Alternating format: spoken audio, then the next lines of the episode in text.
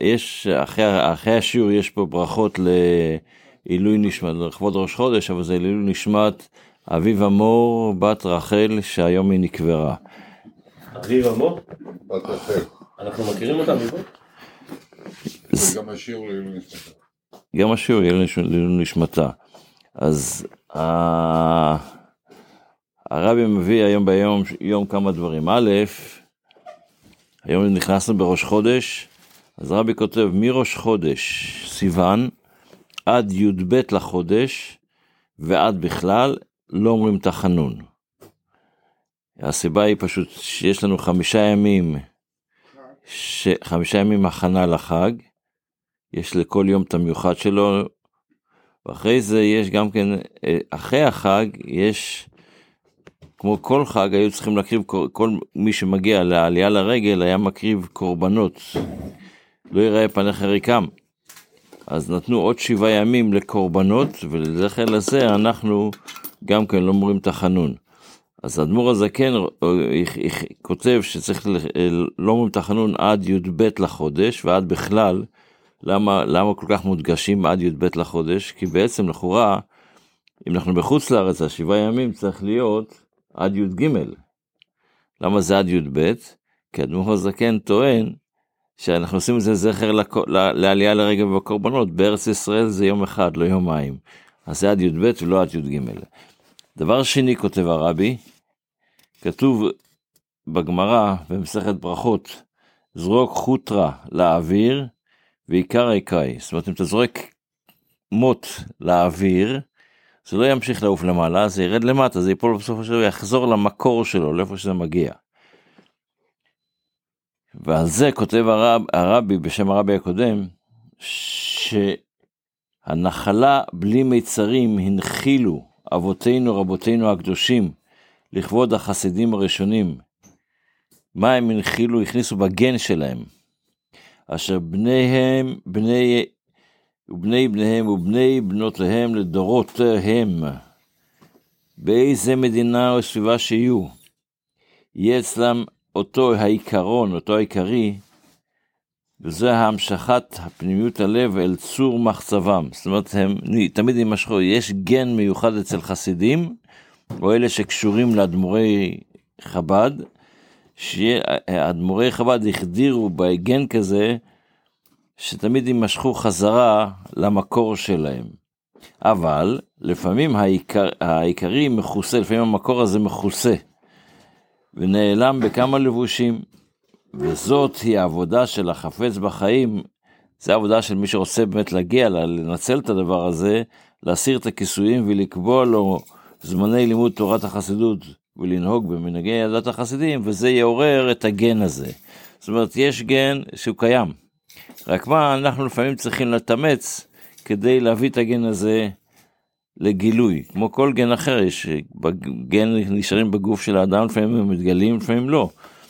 אז הרבי כותב שיש לנו לכל החסידים, והרבי באמת ב, לפני, אני חושב, 25, 35 שנה, דיבר שזה לא רק לחסידים ובני חסידים, אלא כל מי שקשור לרבי, עברו 45 שנה מאז שזה התפרסם, באותה תקופה, זה היה 45 שנה מאז שהתפרסם הדבר הזה, זה כבר הפך להיות שכל מי שקשור לאדמו"רי חב"ד או לומד את תורת אדמו"רי חב"ד, שומע משהו מאדמו"ר חב"ד, הוא קשור לעניין הזה והגן הזה קיים גם אצלו. בספר המצוות לומדים היום את המצווה הי"ז, וזה הציווי שנצטווינו שכל מלך היושב אצל כיסא המלכות, אז למלך יש מצווה שיכתוב ספר תורה לעצמו. זה לא רק שהוא יירש מאבא שלו, מסבא שלו את הספר תורה, העיקר שיהיה לו ספר תורה, לא, הוא חייב לכתוב את הספר תורה, זה, זה מיוחד לעצמו. ולא ייפרד ממנו. אותו ספר תורה הוא לא יכול, לא מתפרד ממנו. והוא, כמו שכתוב בתורה, והיה, אה? איפה כל הספרים שאנחנו... רגע. אני, יש הרבה ספרים. רק שנייה.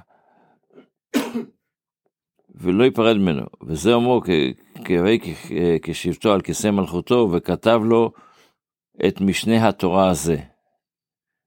וכבר נתבררו כל דיני מצווה זו בפרק ב' ממסכת סנהדרין. שם הגמרא אומרת שהספר הזה שהוא כותב צריך להיות ספר קטן, שיוכל להחזיק אותו, זה ספר גדול, קשה לו ללכת כל הזמן איתו, אבל ספר קטן, הוא יכול להכניס בכיס וזה כל הזמן איתו. והספר השני אמנם נשאר אצלו בבית, בבית גניזיו, אבל הספר, יהיה לו שני ספרי תורה, אחד הולך איתו. כל הזמן, לכן הוא חייב להיות קטן. וזה מה שכתוב אצל דוד המלך, שיוויתי השם לנגדי תמיד, כי מימיני בא למות. אומרת הגמרא שזה, דוד המלך אומר שהיה לו ספר תורה, תמיד ביד, בצד ימין שלו. השאלה שלך איפה כל הספרים האלה, אני לא יודע, אבל בפשוטו, ב... אפשר לענות בפשוטו, אני לא בטוח שזה התשובה. אה, היה אחד המלכים האחרונים, קראו לו מנשה. ומנשה. את כל הספרי תורה הוא ניסה להעלים. רק נשאר ספר תורה אחד שהצליחו לה, להחביא ממנו, וממנו יש להם את כל הספרי תורה, אז באמת כל הספרי תורה יכלו להיעלם, אז אין את השאלה איפה נמצאים כל הספרים. ב... בתפילה, אנחנו סיימנו את תפילת שחרית ועכשיו יש לנו החלטה מה לעשות.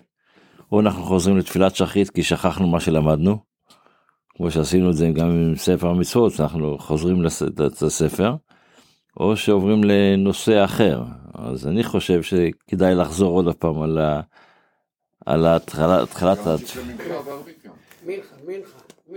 טוב, מנחה וערבית זה שוב עוד פעם זה, מנחה זה האשרי רגיל שאנחנו מכירים ב-18, זה לא הרבה, אולי נתייחס לזה בהזדמנות.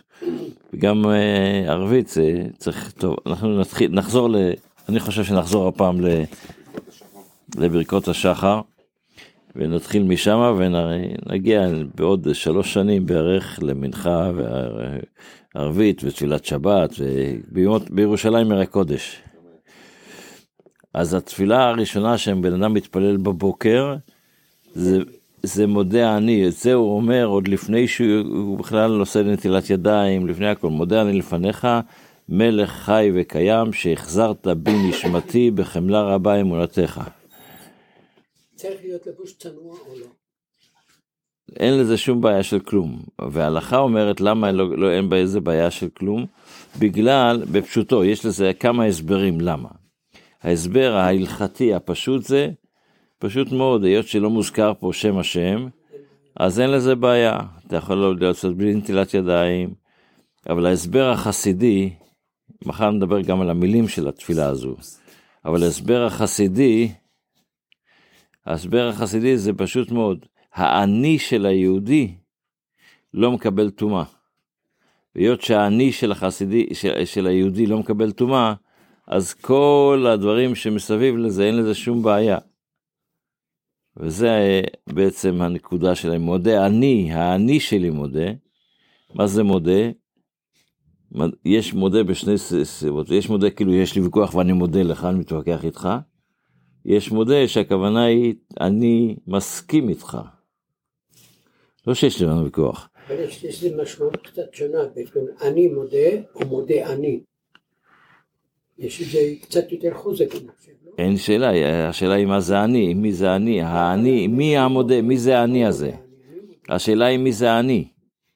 מה זה האני הזה? האני הזה זה החיצוני שבי, אני?